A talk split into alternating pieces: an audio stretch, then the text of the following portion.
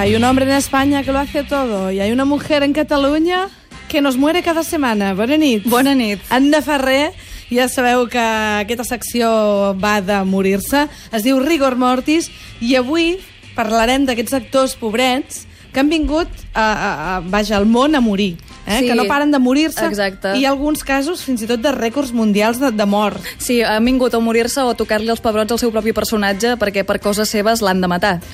Doncs sí, doncs sí, avui parlarem d'actors... Eh, De mort per actor, Exacte, diguem. mort per actor. Si ets actor, en algun moment has de morir. Si no, no, o, ets o al revés, que el, per, per culpa de l'actor el personatge es mor, no per, perquè sigui... Saps? També és veritat, també ha passat això. La causa de la mort és l'actor. En fi, això ja ho anirem en fi, veient. tot, ja ho anirem ho veient. explicarem tot ara mateix.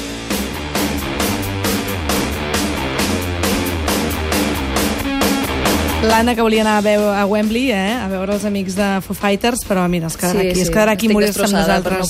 no. No hi ha temps. Doncs res, això, us porto aquest tema d'avui que ens recorda com que la ficció no és l'engranatge perfecte que a vegades voldríem que fos i que no sempre està tot eh, sota el control dels guionistes i que, bueno, a vegades eh, arriba la mort d'un personatge que no convé a les alçades d'argument que estem, però a qui l'interpreta no pot continuar i cal muntar-s'ho com sigui. Per tant, diferents casos, com cada setmana. De quantes maneres pot passar això? A veure, què, què No, és que em fa gràcia, la de diferents casos cada no, setmana. perquè, no, perquè sempre porto com exemples diferents, però d'això parlo. I tant, i tant. Uh, el primer cas és quan l'actor marxa, sigui pel que sigui, sigui perquè, hòstia, ha tingut sort i l'ha sortit una feina més ben remunerada, o Uh-huh. l'han despatxat perquè hi ha hagut problemes, o s'han anat perquè està cansat de fer el personatge. El que sigui, cal acomiadar el personatge. Com tu fas? Bueno, doncs, si el lector avisa amb temps o si se sap amb temps que marxarà, sempre hi ha l'opció de, doncs, que se'n vagi a viure les seves aventures, a la propera temporada ja tornaràs a fer un cameo d'un capítol, o potser no, no tornaràs, però et despedim bé, i hi ha l'opció de no, no, és que no, és que no et volem tornar a veure, així que matarem el teu personatge per afegir dramatisme a la situació o no, o perquè ja no et volem veure la cara ni en pintura. I això, per exemple, va passar a una de les sèries amb més mala sort del món, Community, uh -huh. que m'estimo molt, que ja vam parlar del Degà en cert moment, eh, quan estàvem fent secundaris. Doncs en Chevy Chase, que també és molt problemàtic, feia un dels personatges principals de Community, en Pierce. I després de molts problemes i escàndols i coses vàries, li van acabar prohibint l'entrada al set. El van despatxar i, a més a més, li van dir i, a més, no pots entrar aquí sota cap circumstància. Però per què? Perquè s'havia portat molt malament, o? Bueno, va tenir passat? diferents escàndols a, a diferents nivells, no era de gaire bon tenir el set i a més a més es va discutir molt amb Van Dan Harmon. Uh Mhm. -huh. Ells tots dos mantenen que es porten bé i que són tots dos, bueno, s'acaloren molt ràpid discutint, però bueno, això, que després de certes coses també van despatxant Dan Harmon, vull dir, aquí no es va salvar ningú. Per cert, que aquí la Triqui Laura ens apunta un tema, que això és molt de, dels Sí? anys 80, jo també estic d'acord amb ella, que canviaven d'actor i, de per, i el personatge canviava de cara. Així, Sí, pa- senzillament. Pel, pel morro. Sí, sí, això, això també pot passar quan l'actor marxa, però aquí estem parlant de matar-lo. Per tant, aquest, aquest avui no el tractarem, Aquest però no el ha passat, tractarem. ha passat. És morir-se, però d'una altra manera. I això, com deia, en Pierce, el personatge d'en Chevy Chase, van dir què podem fer si no pot ni trepitjar el set, com ens acomiadem d'ell. El que van fer és, uh, spoilers, atenció, spoilers, però a la cinquena temporada va sortir el primer capítol en forma d'holograma, dient, escolta, que m'han expulsat de, de la universitat i que no podré venir i que, bueno, i que en resum hi ha gent que no pot, uh, no, no sé com s'ho fa anar, hi ha gent que no sap agafar les bromes i que el fan fora com per dir alguna cosa de molt mal gust i després al cap d'uns capítols se'ns diu que ha mort i va uh -huh. tot l'episodi sobre el seu testament, però veure'l no el veiem més que d'un holograma.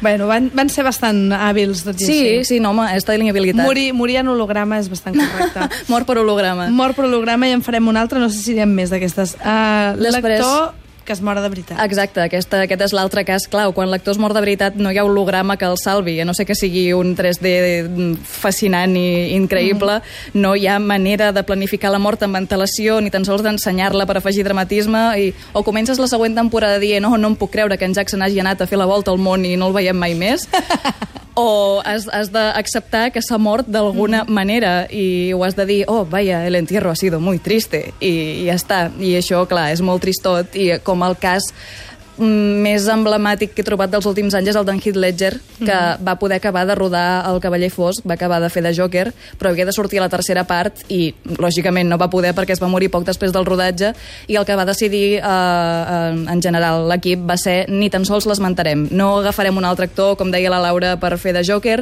ni tan sols parlarem del Joker ni de què li ha passat. És igual, mm. es queda allà en l'oblit, la segona pel·lícula va estar molt bé, anem a fer el, la tercera, que no estarà tan bé. I la tercera la van fer o no? Perquè no, no o sigui, amb el recordo. Joker no, van fer uns Ja altres, van Joker, triar hi uns altres altres dolents. dolents. Sí, i el que no va tenir tanta sort, que també és un dels afortunats de la vida, és en Terry Gilliam. Aquest home no acaba les pel·lis, no sé que exacte, que ell no estava acabant a la pel·lícula, estava en mig rodatge quan se li va morir en Heath Ledger, que estava fent l'imaginari del doctor Parnassus, i el que va fer va ser enginyar-se-les per convidar en Jude Law, en Johnny Depp i en Colin Firth que anessin fent el mateix personatge en diferents facetes, i queda una cosa com un collage d'actors, que no tampoc està malament. però correcte. Però sí, Però també bé, si hi ha maneres de no matar la gent a Gilliam. I vegades. tant, i tant, i tant. Si tens en Jude Law i en Johnny Depp, clar. Jo també em moro, si tinc el Johnny Depp i el Jude Law a la mateixa habitació.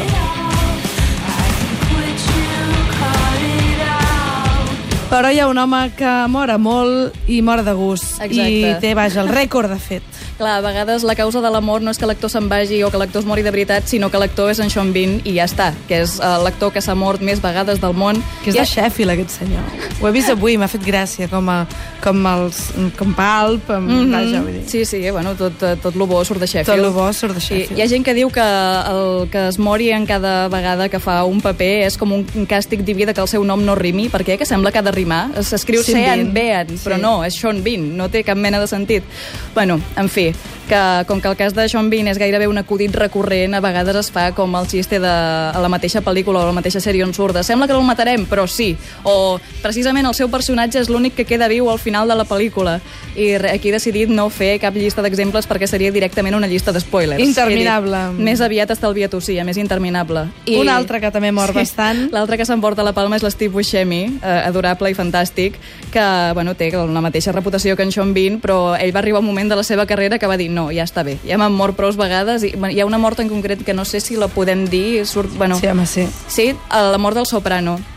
Quan el van matar el Soprano va dir, ja està. O sigui, aquí arribo fins aquí, no agafo cap més paper on em matin. Si em mata Antoni Soprano és que ja he d'estar satisfet.